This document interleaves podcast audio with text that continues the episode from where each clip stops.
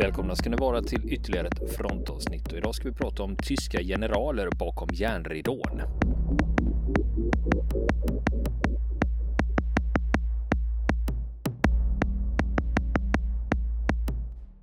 Ja du Niklas, eh, nu är vi tillbaks till Wilhelm Adam igen. Det, ja. det blir en sån här evighetsserie. Eller? Ja, ja, nästan kan man ju faktiskt säga. Eh, ja. det, det, har ju blivit lite sönderhackat de sista av olika anledningar. Eh, som sagt så har det ju strulat lite med, med utgivningen av våra, våra avsnitt. Det senaste, men nu, nu kör vi igen här. Och eh, jag tänkte att nu, nu kommer det handla om Stalingrad den här gången. Wow, äntligen. Ja, nu är vi, nu är vi fram, ja, precis. precis slut på kött. Nu blir det krutrök. Uh, och jag tänkte att eh, mycket, av, mycket av det som kommer i det här avsnittet och i nästa kommer att vara eh, unikt för, eh, för er lyssnare därför att det består av mina översättningar av ur hans memoarer. Ehm, som beskriver då förhållandena i, i sjätte arméns stab under, under slaget om Stalingrad. Ehm, så att eh, ni får ha eh, lite överseende med att en del, en del formuleringar kanske är lite grovt tillyxade och så.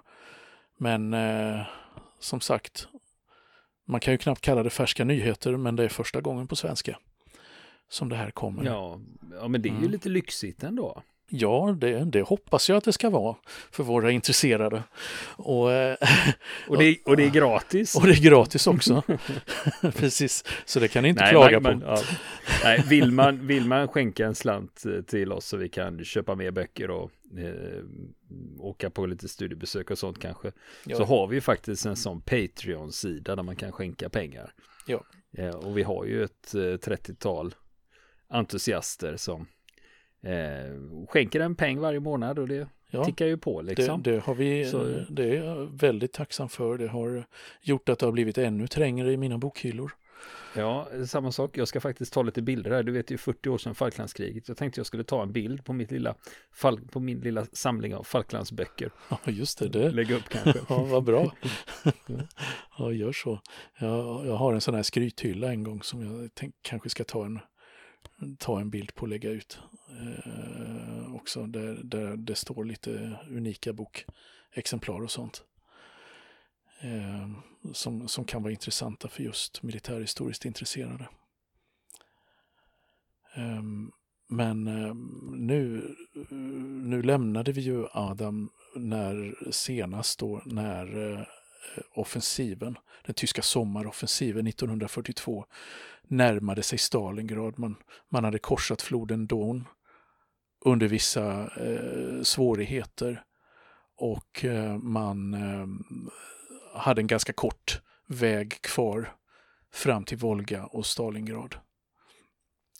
Och där vi, där vi hoppar in då i hans memoarer så har precis en av de tyska kårcheferna, Eh, chefen för den 14 pansarkåren, general von Fietersheim, eh, precis fått sparken av Paulus därför att han inte eh, trodde tillräckligt mycket på den tyska anfallsplanen. Och eh, hävdade att med de styrkorna vi har så går det inte att eh, genomföra det här. Och då hade han helt sonika fått sparken trots att Paulus egentligen då enligt Wilhelm Adam kanske inte heller var så övertygad om att det, eh, utsikterna var så goda. Men, eh, men eh, att han ändå tyckte att jag kan inte ha underordnade som inte tror på, tror på det här, utan då, då får vi byta ut dem. Och det blev, det blev Willem Adams uppdrag att åka dit med hans med själva brevet i vilket Paulus gav honom sparken. Och, vilket han också har skildrat i sina, sina memoarer hur, hur, hur obekvämt det var att och, och lämna över det inför, inför generalens stab och så vidare. Men att eh, den här generalen han tog det med stor fattning då och eh, sa till eh, sa helt lugnt till, till Adam att ja Adam det här är det är inte alltid så trevligt att vara adjutant. Som han sa, när man får överbringa sådana här obehagliga nyheter då till, till generaler och göra slut på deras karriär. Eh, men det var liksom inga, inga personliga eh, saker i det här, inga hard feelings så att säga. Inget kill the messenger. Och eh, det här har precis hänt då när han återvänder till sjätte arméns högkvarter från den här flygturen. Och det är, då är vi i augusti 1943, eller 42. Och så här började. Kurirposten väntade på mig i mitt arbetsrum. Den var snabbt genomgången och fördelad på medarbetarna. Därefter begav jag mig till förste stabsofficeren för att orientera mig om det aktuella läget. Och han berättade. Sedan gårdagen har det bara skett oväsentliga förändringar. I norr anfaller fienden gång på gång mellan Volga och Don. Både 8 armékåren och 14 pansarkåren utkämpade hårda försvarsstrider. 51 armékåren har kört fast, likaså 71 infanteridivisionen. Fjärde luftflottan bombarderar sedan den 23 augusti oavbrutet staden och Stalingrad är nu ett eldhav. De tjocka svarta rökmolnen tyder på att oljecisternerna har blivit träffade. Fjärde pansararmén, som alltså befann sig söder om sjätte armén, har förflyttat sitt anfalls tyngdpunkt åt vänster och tränger alltså in i flanken på fienden framför oss. Och låt oss hoppas, låt oss hoppas att detta anfall medför en avlastning för vår del. Jag jämförde min karta med operationsavdelningens och gjorde de nödvändiga korrigeringarna. Sedan gick jag till mitt logi. Sedan några dagar tillbaka avstod jag från tältet, för nätterna var redan ganska kyliga. Och jag bodde tillsammans med min karlfaktor i det näst sista huset i södra änden av byn Galubinskaja. Jag promenerade i sakta mak på vägen. Det hade blivit sent. Den nästan fulla månen kastade sitt mjölkaktiga sken över de vitkalkade envåningshusen och den rena kosackbyns små trädgårdar. Mitt i samhället stod den enda tvåvåningsbyggnaden. Det var skolan, i vilken arméns ingenjörschef och hans stab hade sitt logi. Här förgrenades vägen också till Klippstranden. Den sträckte sig upp till den högt belägna vägen vid Dorn. En huvudväg som löpte parallellt med Dorn söderut förbi Kalac och därifrån vidare till Nizjne Chirskaja, en av donkosackernas små städer. Galubinskaja låg mitt mellan broarna över Don vid Kalac i söder och Peskovatka i norr. Om vi ville resa med bil eller motorcykel till divisionerna på Volgafronten så var vi alltid tvungna att först åka höjdvägen längs Donau, eh, längs Don till en av krigsbroarna. Vid mörkrets inbrott rådde synnerligen livlig trafik på denna väg. Motorbullret trängde in i stillheten på vår stridsledningsplats. En gång hörde jag till och med hur någon svor så det osade. En ficklampas ljuskägla irrade sökande omkring. Förmodligen en olycka igen.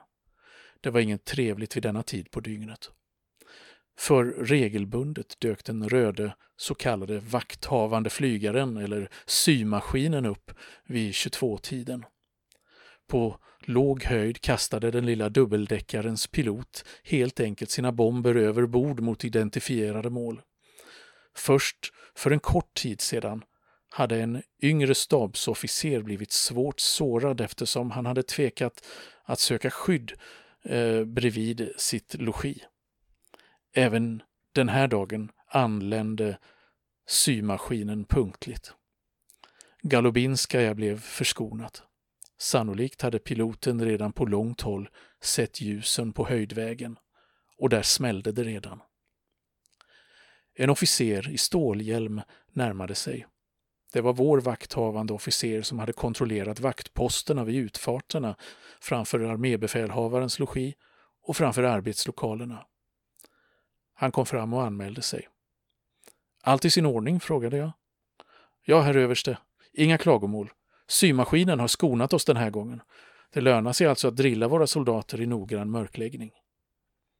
Jag kanske ska tillägga då för de som inte vet vad en symaskin är så var det de här små dubbeldäckade fly långsamma flygplan som utnyttjades av, av eh, det röda flygvapnet under till eh, nattliga uppdrag över de tyska linjerna där man genomförde eh, bombningar av, eh, av identifierade mål med hjälp av ja, bomber som, som eh, piloten helt enkelt kastade över bord på, på var han, han eller hon, för det är ofta så var piloterna kvinnor, vad de kunde se nere på marken i mörkret.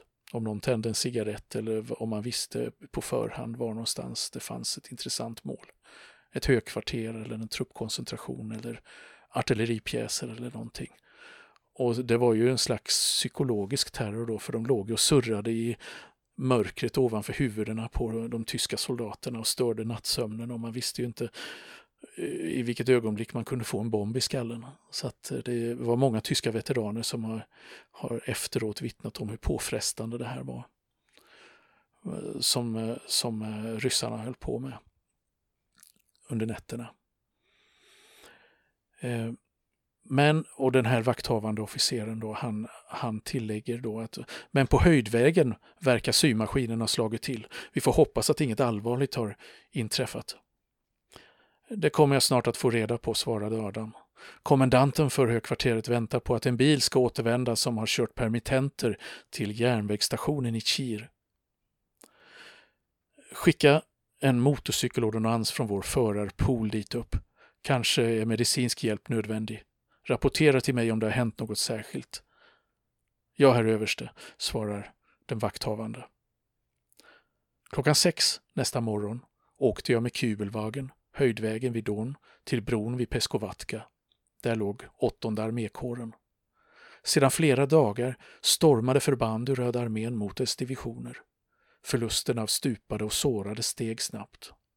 Kårchefen, artillerigeneralen Heitz, mottog mig med orden, orden Ni måste hjälpa oss med komplement, alltså ersättning för de alla sårade och dö, stupade. Och det snabbt. Om ryssarna fortsätter att ingripa hos oss kan jag inte garantera ett framgångsrikt försvar, även om vi gör allt för att åtminstone kompensera förlusterna något genom att bygga bättre försvarsställningar. Vi ska göra allt som står i vår makt, herr general, men för tillfället finns det inte så mycket, svarade jag och redogjorde för min flygresa till fyrens högkvarter i Vinica. Ja, det är ju dystra utsikter, utsikter, svarade Heitz. Då återstår det bara att kamma igenom staber och etappförband. Paulus hade gett mig uppdraget att bege mig från Peskovatka till 295 infanteridivisionens stridsledningsplats. Själv tänkte han flyga dit med en Fiesler Storch. Således sa jag adjö till general Heitz och for vidare i riktning mot Stalingrad. Efter ungefär en halvtimme hittade jag stridsledningsplatsen ute på steppen. Där stod två Fiesler Storch-plan och flera bilar. Paulus hade redan anlänt. Han höll på att prata med chefen för 51 armékåren, general von Seidlitz, divisionschefen, generallöjtnant Wutman och en flyggeneral som jag träffade här för första gången. Det var generalöverste von Richthofen, befälhavare för fjärde luftflottan, vars bombplans och jaktplansförband understödde anfallet mot Stalingrad. Bevisen för deras insatser var de tjocka svarta rökmolnen som sedan den 23 augusti syntes vid horisonten. Jag såg dem för första gången med egna ögon stiga upp mot himlen från 295 infanteridivisionens stridsledningsplats. Själva staden skymdes av en flack ås. Det var en sällsam kontrast mellan naturens skönhet och krigets ödeläggelse. Hela landskapet badade i sol denna härliga sensommardag. Men västerifrån kom oavbrutet bombplansdivisioner eskorterade av flinka jaktpiloter och fällde sin dödsbringande last över staden, vilket framkallade ett öronbedövande dån och nya röksvampar. Det håller på så där hela dagen, kommenterade en officer från ingenjörsstaben. Det kan inte vara mycket kvar av staden. Man kan förmoda att bombregnet utplånar allt liv. Även Paulus ägnade några minuter åt det skrämmande skådespelet. Därefter lät han divisionschefen redogöra för anfallets hittillsvarande förlopp. Och divisionschefen rapporterade Under de senaste dagarna har vi bara kommit långsamt framåt. Fienden kämpar förbittrat. Han utnyttjar varje ojämnhet i terrängen för sitt försvar och överger inte meter utan strid. Våra förluster ökar för varje steg vi kommer närmare staden och vår slagkraft räcker inte längre till. Under general Wutmans rapport stod jag en bit avsides tillsammans med en av divisionens ordonnansofficerare. Denne kompletterade i viss mån sin chefs redogörelse. De stora förlusterna tynger ner våra soldaters moral. De har tappat lusten. De har inte räknat med ett så hårt motstånd. De trodde att de skulle vara i staden inom bara några dagar och äntligen kunna vila ut sig igen. Men nu anser de flesta att det är tveksamt om vi överhuvudtaget någon gång når fram till Stalingrad. Vi måste bekämpa den här stämningen hårt. Divisionen hade gått till anfall vid Don med runt 13 000 man. Redan efter några stridsdagar räknade den ännu knappt hälften. Inte heller general von Seidlitz, som var känd som en hård och oförskräckt truppchef, gjorde någon hemlighet av sin oro för offensivens fortsatta förlopp. Redan under förmiddagens samtal med general Heitz hade tanken dykt upp hos mig på att ännu en gång flyga till Führerhögkvarteret. Det stod klart för mig att det inte fanns något alternativ. Och Paulus hade samma åsikt. Efter att även stabschefen för armén, generalmajor Schmidt, hade godkänt mitt förslag meddelade jag per telefon från arméns stridsledningsplats mitt besök hos personalavdelningen i Vinica nästa dag. Min expeditionschef, överfältväbel Küppers, sammanställde en översikt över alla divisioners stridsstyrka åt mig. Han bifogade rapporterna från artilleri och signalförbanden om officerskandidaterna hos dem. Det var nästan 200 man som inte kunde befordras på grund av bristen på befattningar. Jag hade föreslagit att man skulle omskola cirka 80 av dem till infanterister i en kurs bakom fronten. Paulus och Schmidt var också införstådda med det. Ett omskolningsprogram som hade utarbetats av mig tillsammans med stabsofficeren som hade ansvar för utbildning hade bifogats till den av armébefälhavaren undertecknade begäran om att godkänna en sådan kurs. Av en slump kom samma dag med kurirposten min remiss till sanatoriet Falkenstein i Taunus under andra halvan av september. Han var nämligen, ska jag tillägga här då som en liten fotnot Adam, då att han var nämligen, hade problem med hälsan och var ganska utarbetad vid det här laget. Och eh, han hade sedan länge begärt att hamna på ett, eh, få en sanatorievistelse och hade fått vänta eh, i flera månader på att få något besked och nu hade beskedet äntligen kommit och det var mitt upp i liksom de första striderna i Stalingrad som, som den här remissen kom då. Och att det snart skulle, han snart skulle få åka då till västra Tyskland och tillbringa några veckor på ett sanatorium. Stabschefen Schmidt grymtade något när han läste brevet. De hade kunnat hitta en bättre tidpunkt för er sanatorievistelse. Prata med personalavdelningen imorgon om att hitta en vikarie för er. Han måste kommenderas hit så snabbt som möjligt för att sätta sig in i arbetsuppgifterna så att ni kan åka i rätt tid. Efter kvällsmaten bad mig Paulus svärson, baron von Kurzenbach, som var tolk vid arméstaben om ett samtal. Vad kunde han ha på hjärtat? Vi spatserade fram och tillbaka på byvägen. Jag är bekymrad för min svärfar, inledde von Kurzenbach samtalet. Ni vet lika väl som jag att han inte drar jämnt med Schmidt. Även om det ännu inte har uppstått en öppen konflikt mellan dem så beror det enbart på att min svärfar gång på gång ger efter. Schmidts arroganta och bossiga sätt stöter bort honom han är deprimerad över att det inte finns någon förtroendefull relation mellan hans stabschef och avdelningscheferna i staben. Han plågas av att generalerna klagar på hur Schmidt behandlar dem. Han känner sig sårad av att Schmidt fattar beslut utan att fråga honom.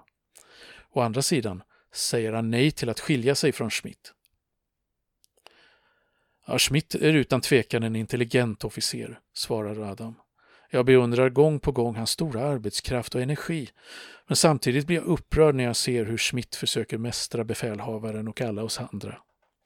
Det är obegripligt att han, trots sin intelligens, inte märker hur negativ påverkan hans beteende har på arbetet.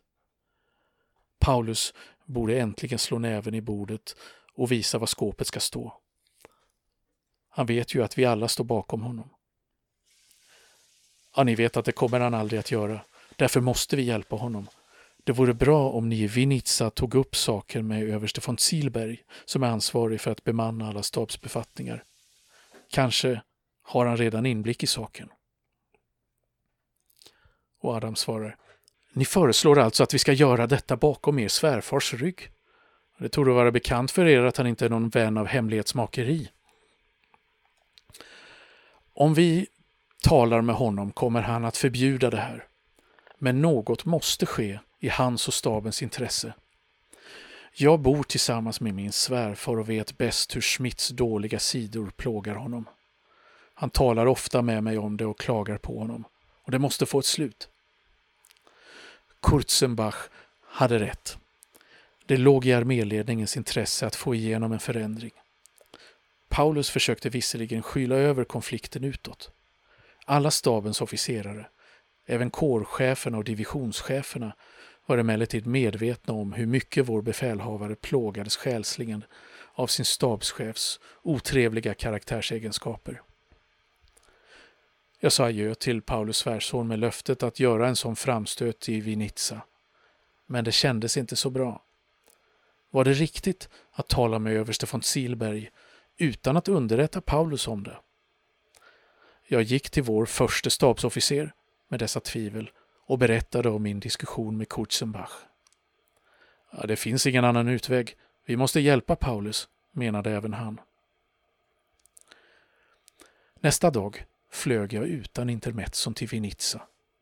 Jag hade ett omfattande program att klara av. Vår begäran om att få inrätta omskolningskursen för officerskandidater från artilleri och signalförbanden godkändes av personalavdelningen efter en ingående överläggning med de ansvariga sektionscheferna. Förslag om befordran av de framgångsrika eleverna från kursen skulle skickas till personalavdelningen. Det var den första framgången för min flygresa. Även det andra ärendet, som gällde mig personligen, kunde hanteras bättre än jag trodde. Ersättaren under min sanatorievistelse handlade det om. Den ansvarige sektionschefen sa genast Det passar utmärkt. En överste löjtnant från personalavdelningen plågar oss redan sedan lång tid tillbaka med en anhållan om att få bli skickad till fronten. Han kan börja med att vikariera för er och efter er återkomst ta befälet över ett infanteriregemente i sjätte armén. Så fort han har överlämnat sina arbetsuppgifter här skickar vi honom till er. Med hoppfullt hjärta begav jag mig härefter till överste von Silberg. Hans välkomstord underlättade mitt uppdrag. Nå, Adam, vad gör Schmidt, den nya stabschefen? Kommer han överens med Paulus eller slår han på den stora trumman? Herr von Silberg, till att börja med skulle jag vilja understryka att jag inte kommer till er på Paulus uppdrag. Om jag hade sagt till honom i förväg att jag tänkte tala med er om Schmidt skulle han ha förbjudit mig att göra det.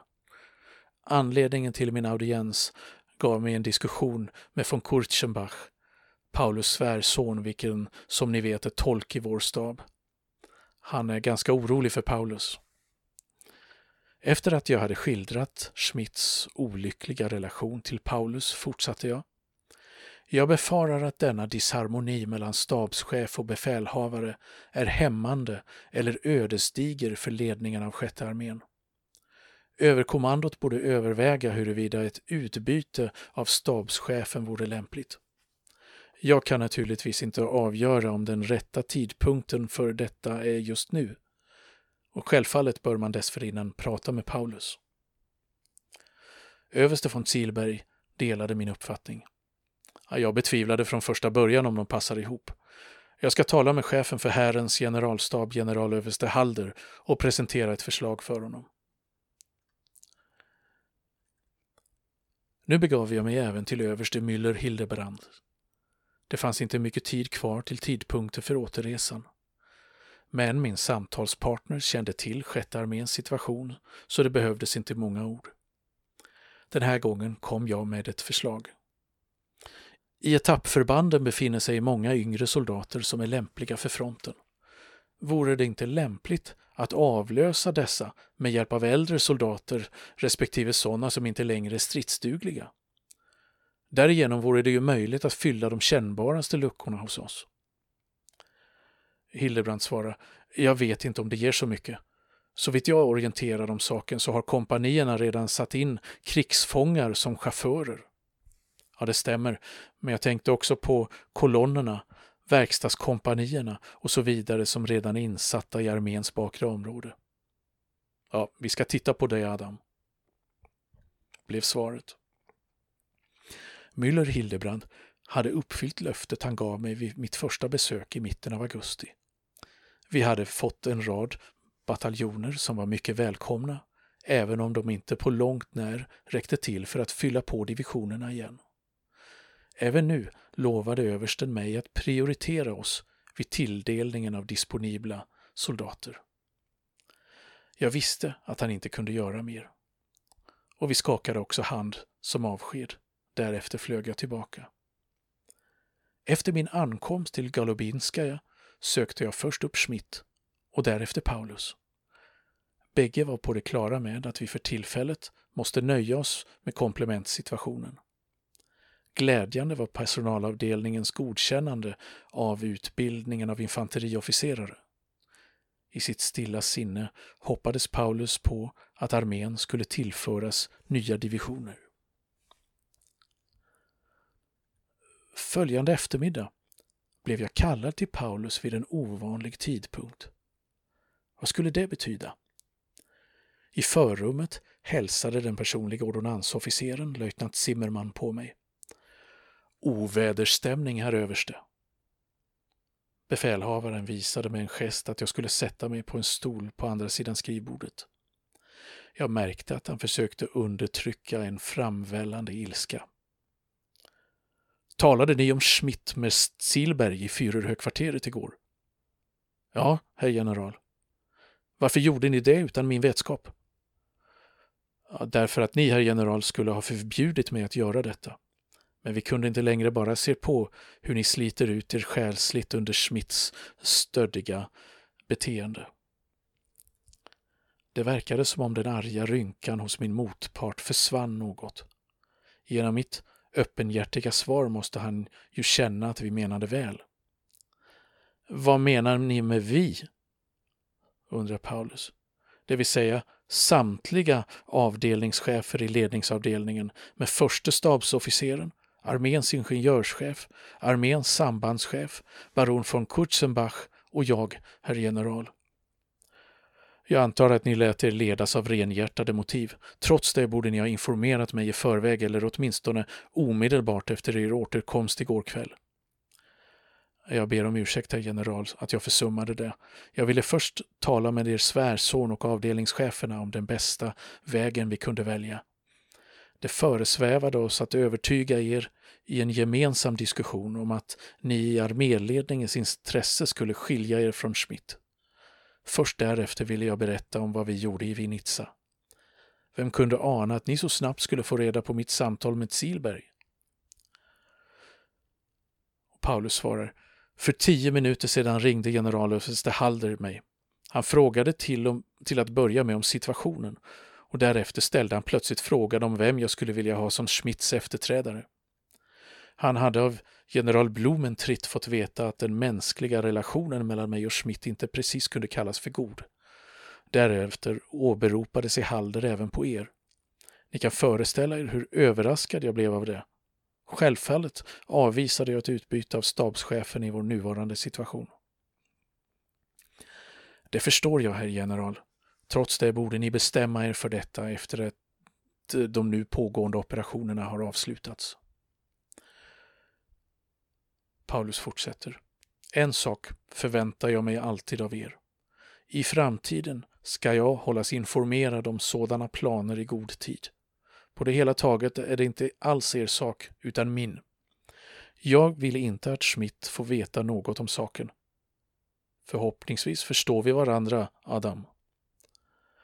Därmed var fallet Schmidt avslutat. Tyvärr måste man säga. Om Paulus inte precis var en beslutsam och handlingskraftig person, så var Schmidt desto mer arméns ödesdigra Mefisto. Och det skulle visa sig på ett smärtsamt sätt. Hur ser det för övrigt ut med vikarie? frågade befälhavaren också när jag var på väg att lämna rummet. Det är sin ordning. En överstelöjtnant från personalavdelningen kommer att ersätta mig. När jag kommer tillbaka ska han ta befälet över ett regemente hos oss. Ja, då kommer ju Schmidt att bli nöjd. Ni vet att han inte vill samarbeta med vår andra adjutant, major von Lüttwitz. Där kan vi avsluta eh, för den här gången eh, läsningen ur, ur Wilhelm Adams memoarer om hans upplevelser vid Stalingrad. och att han lämnar så här mycket utrymme åt, åt eh, de här grejerna med stabschefen i sjätte armén Schmidt har också en viss bakgrund. Dels så eh, det här som var allmänt omvittnat att det fanns stora samarbetssvårigheter i sjätte arméns stab vid den här tiden. Där stabschefen som var nazistiskt övertygad och eh, en väldigt bufflig person då och bossig person senare under krigsfångenskapen tillhörde de generaler som inte så att säga gick över i rysk tjänst och därför hölls isolerad från Paulus för att inte påverka honom under, i krigsfångenskapen där. Så att man kunde övertala, övertala Paulus från rysk sida att, att byta lojalitet. Så det finns en poäng med att ja, man eh, drar till Schmidt lite där? Ja, exakt. Exakt. Han, det, han, har en, eh, han har ett syfte här med att, med att framför, framhäva de här pro problemen då som, eh, ja, som var faktiska men eh, som han då lägger stor tonvikt vid i, i sin skildring. Då. Och, och det ska sägas ändå att han, han skildrar Schmidt och beskriver honom i flera tidpunkter och inte, eh, flera platser i boken. Då. Och intressant nog så är bilden ändå inte helt negativ av honom för att han försöker vara väldigt nyanserad och visa både hans positiva och negativa sidor. Men Schmidt överlevde eh, den ryska fångenskapen och han levde ända in på 80-talet. Och i Västtyskland då. Medan Adam som vi vet eh, gjorde karriär i Östtyskland efteråt så de hamnar ju på bägge sidor av eh, vid den här tiden då Adam skriver sina memoarer så är de på varsin sida om järnridån. Och, och ändå försöker han i, eh, inte att demonisera Schmidt. Eh, I alla fall inte överdrivet mycket. Och Schmidt i sin tur ska man ju säga då, han tillbringar hela livet då med något slags personligt, resten av sitt liv då med något slags personligt korståg mot eh, Paulus som man ser som en förrädare eh, och liksom jagar honom ända in i graven och långt efter efteråt också och, eh, och försöker liksom eh, vid, vid sitt skrivbord eh, i Hamburg i sin lilla bostad där eh, skriva sjätte arméns historia och, men får aldrig någonting publicerat. Så att allt han skrev själv om, om Stalingrad, den här Schmidt, det hamnar i hans byrålåda och eh, numera så ligger det i det tyska krigsarkivet. Och eh, ja, det, det, har så att säga aldrig blivit någon bok av det. Men Adams berättelse den nådde ju desto fler och eh, nästa vecka så kommer vi fortsätta att berätta, återge hans, hans version av slaget om Stalingrad. Mm. Men en fråga där, när mm. Adam ger ut det här i Östtyskland, mm. eh, hur, hur tillgänglig var östtysk litteratur i väst? Inte så. Det var ju ingenting som såldes i bokhandlar i väst utan det, då fick man ju själv åka över till, eh, till Östtyskland och eh, köpa något, köpa eh, böckerna själv i någon östtysk bokhandel. Så att det var ju mm. ingenting som gick att få tag på annat än kanske på specialbibliotek och så vidare. Därför att det här sågs ju, allt, allt som kom från Östtyskland sågs ju som propaganda. Eh, inte utan orsak under kalla kriget. För all, allting som publicerades skulle ju tjäna ett syfte och i alla fall inte strida mot eh, kommunistregimens intentioner och planer och världsbild. Mm. Ja, ja, men eh, nästa vecka kör vi då. Ja, då fortsätter vi. Vill ni komma i kontakt med oss så kan ni göra det via vår Facebook-sida som heter Fronten. Det är inga problem för er att leta er fram där. Eller också så mejlar ni på vår mejladress och det är frontenpodcast@gmail.com.